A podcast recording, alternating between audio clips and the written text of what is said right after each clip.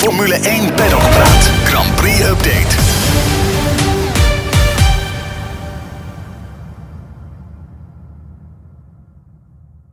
Welkom bij de Grand Prix update van Formule 1 Magazine vanaf uh, circuit Spa-Francorchamps. Ik zit hier uh, met uh, collega Gerard Bos. Goedenavond Gerard. we zitten hier in de persruimte van het circuit. Kunnen het volgens mij niet al te lang maken hier, maar we hebben net de kwalificatie gehad voor de Grand Prix van zondag. Op vrijdagavond natuurlijk, van het sprintrace format. Met een magnifieke Max Verstappen. Nou zeg dat wel. Het was weer dominant als altijd. Alleen jammer natuurlijk voor Max en, uh, en de fans dat, uh, dat hij niet uh, van pole position gaat starten door die gridstraf die hij heeft gekregen vandaag. Ja, de, hij kreeg een gridstraf vanwege een, een vijfde versnellingsbak die aan zijn pool is toegevoegd, die hij gaat gebruiken komende zondag. Maar vorig jaar hebben we gezien dat Verstappen vanaf ik, plek 14 ongeveer ja. de race heeft gewonnen. En aan de afloop van de, van de kwalificatie was in de persconferentie ook vrij duidelijk van ja, ik ga gewoon voor de overwinning. Ja, hij zei al, kijk, vorig jaar moest ik van verder komen naar achteren. Dus ja, als het toen kon, dan kan het nu ook, want ja. hij heeft nu nog een betere auto, zoals hij zelf ook zei. Absoluut. Dus, Absoluut. Voor jou was het uh, weer een terugkeer naar Spa, Francorchamps. Je bent een ja. paar jaar niet geweest. De laatste keer met Formule 2 een, een jaar of wat geleden. Ja. Hoe, uh, hoe is jij bevallen de afgelopen twee dagen hier? Ja, het is een uh, nat weerzien. Ja, enkele zeker. jaren ja, van, ja, uh, van afwezigheid. Uh -huh. Maar uh, het is nu redelijk droog. Maar vooral donderdag was het wel, was het wel heftig weer. En, maar goed, het, Spa is altijd mooi. Kijk, een paar jaar geleden was ik hier voor de Formule 2 inderdaad. En dat is een hele andere wereld dan Formule 1. Ja. Ook qua werk. je hebt nu veel meer toegang natuurlijk tot alles. Alleen in welke klasse je ook werkzaam bent of, of in welke klasse je ook rijdt als coureur bijvoorbeeld. Of wanneer je ook komt kijken als toeschouwer. Spa is altijd bijzonder. Ja, ja. ja. ja uh, het weer is waardeloos geweest afgelopen donderdag. Ja. Uh, ook tijdens de kwalificatie in het begin nog regen. Uh, maar goed, het is nu als ik naar buiten kijk mooi weer aan het worden. Toch is, is, is het weer, die regen en ook de veiligheid, die, die nou ja, bijna letterlijk werd, ja. werd het een grauwe sluier over de afgelopen dagen. Want er wordt heel veel gesproken over veiligheid. We hebben natuurlijk het, uh, het ongeluk gehad uh, van Dilana van Trof. Ja. Uh, hier een week of drie, vier geleden. Um, heftig. En ja. het verhaal van het weekend eigenlijk natuurlijk. Ja, Dual. zeker, zeker. En donderdag werd het ook herdacht. Hè? Ja, ja, daar was ik misschien handig, want daar was ik zelf bij ja. inderdaad. Ik ben, ik ben ehm, de, jaarlijks organiseert Pierre Gasly een, een, een, een, run over het circuit. er wordt een ronde over het circuit afgelegd. Rennend of lopend, je mag ook meelopen. Om Antoine Hubert te herdenken, die natuurlijk hier in 2019 ja. in de Formule 2 om het leven kwam. Ja, goede vriend hè, van Gasly. Een hele goede vriend van, ja. van die hele generatie Franse coureurs. Esteban Ocon zat er ook bij, natuurlijk Gasly. Dat zijn niet de grootste vrienden meer, maar goed. Charles Leclerc kennen hem natuurlijk allemaal goed. Komen allemaal uit dezelfde, dezelfde school ongeveer. En uh, dus die, die run was, was afgelopen donderdagavond. En um, daarbij stonden ook heel veel uh, uh, teamleden van MP Motorsport natuurlijk. omdat het niet alleen dit keer voor Antoine Hubert was, maar ook voor Dilana van het Hof. Ja. Ik moet zeggen dat ik het... ja, ik ben meegelopen. ja, je loopt dan het circuit af, vanaf start-finish langs de oude pitbox uh, Radion op. En dan kom je als eerste bij uh, de plek van het ongeluk van, van Hubert. Daar legde Gasly bloemen. Uh, iedereen hield daar stil. een moment van bezinning. En vervolgens werd er doorgelopen naar... eigenlijk een paar honderd meter verderop. Ja. Weet je, op Cameron Strait waar Dilano van het Hof is omgekomen. En en, en ja, daar was de familie bij van Dilano. Dat, dat, moet heel indrukwekkend ja, dat zijn was, geweest. was, was, was heel heftig. Ik, ik ja. moet zeggen dat ik niet vaak... Nou ja, dat klinkt misschien blasé onder de indruk ben, maar dit was echt een hele heftige bijeenkomst inderdaad. Uh, mm -hmm. NP Motorsport is natuurlijk een hele goede vriend van, van, van het magazine. We hebben daar heel mm. veel tijd en energie en, en contact mee intensief. En, en ja, als je dan de mensen van NP Motorsport ook ziet staan huilend in mekaars armen met ook nog op de achtergrond uh, die, die bomen, de omgeving, de sluier, de regen die viel. Ja, dat was een, een, een heftig moment. En ja, dat gaan we natuurlijk ook uh, uh, beschrijven in, in, in de -hmm. volgende editie van het magazine. Maar -hmm.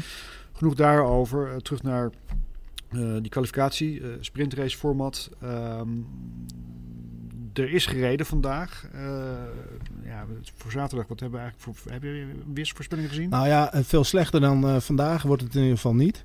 was de voorspelling. Oké, prima. Dus dat is, dat is goed. Maar ja, goed, Spa is altijd wisselvallig. Hè? Je weet het, het hoeft maar een beetje regen te vallen. Je zag het vandaag ook. Mhm. Dan was er weer een opklaring. Dan begon het weer met regenen.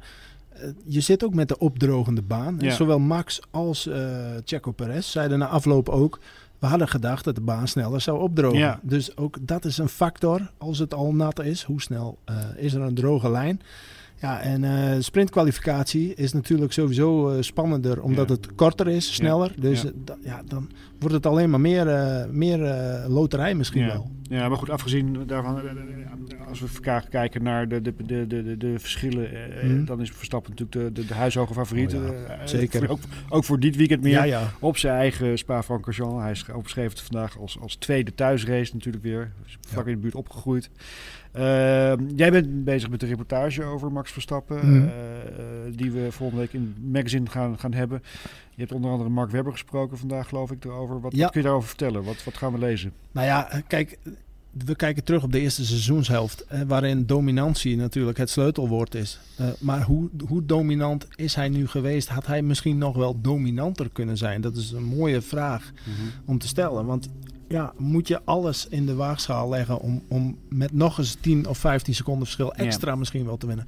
Had misschien wel gekund, maar is dat nodig? Weet je wel, doe je jezelf daar een plezier mee voor de volgende races? Je moet je apparatuur of je materiaal ook uh, goed Heel houden. Ja, klopt. Dus, dus dat zijn interessante aspecten van die dominantie om te bespreken met mensen die er echt verstand van hebben. Absoluut.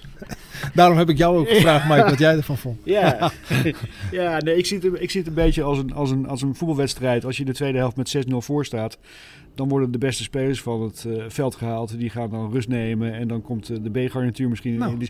En, en dan wordt ook gewoon de, de, rust ook genomen. En ik, ja. kijk, Verstappen wil natuurlijk altijd gewoon tot het gaatje gaan. Mm -hmm. uh, dat zagen we bijvoorbeeld ook tijdens die bandenwissel, dat die, die nog eventjes wilde. Was het in Hongarije geloof ik? Mm -hmm. Dat die, die band, nog even die bandenwissel wilde voor die snelste ronde. Ja. Ja. Terwijl het team zegt van nou, doe maar liever niet. En, en, en dan wil je toch tot het gaatje gaan. En ja, uh, uh, ik denk als, als Verstappen echt dominantie zou willen uitstralen, dat ze misschien zeggen, joh, weet je, we gaan, gaan die motoren gaan we tot vol 100% opendraaien. En dan finish die elke race met 30 seconden voorsprong, ja. 40 seconden of een minuut misschien wel. Ja. Maar ja, dat is niet nodig. Nee, nee, nee, nee, precies. En, dus waarom, en waarom zou, je, waarom zou je dat doen? Ja, waarom zou je het exact. risico lopen dat er een motor ploft of dat er iets fout gaat? Uh, dus, dus alles binnen, in, binnen controle, onder controle en, en, en maar goed, het zegt wel wat over de dominantie. Hè? Ja, absoluut. Maar uh, ja, ik heb er inderdaad met Mark Webber over gesproken. En uh, om, om even een bruggetje te maken dan. Want dat is natuurlijk een Australiër. Hè? ik, wist dat je ik, ik, maak hem ik gewoon. Wist dat je gemaakt, ja. Want, want beste mensen, Mike heeft een mooi interview gehad met, ja, met Tiffany Cromwell. Ja. ja. ik moet zeggen dat ik van tevoren dacht van ja, god, wat, wat gaan we... Hè? Dit is een vriendin van, van Valtteri Bottas, moet ik even gezegd worden. Australische wielrenster, hoog niveau.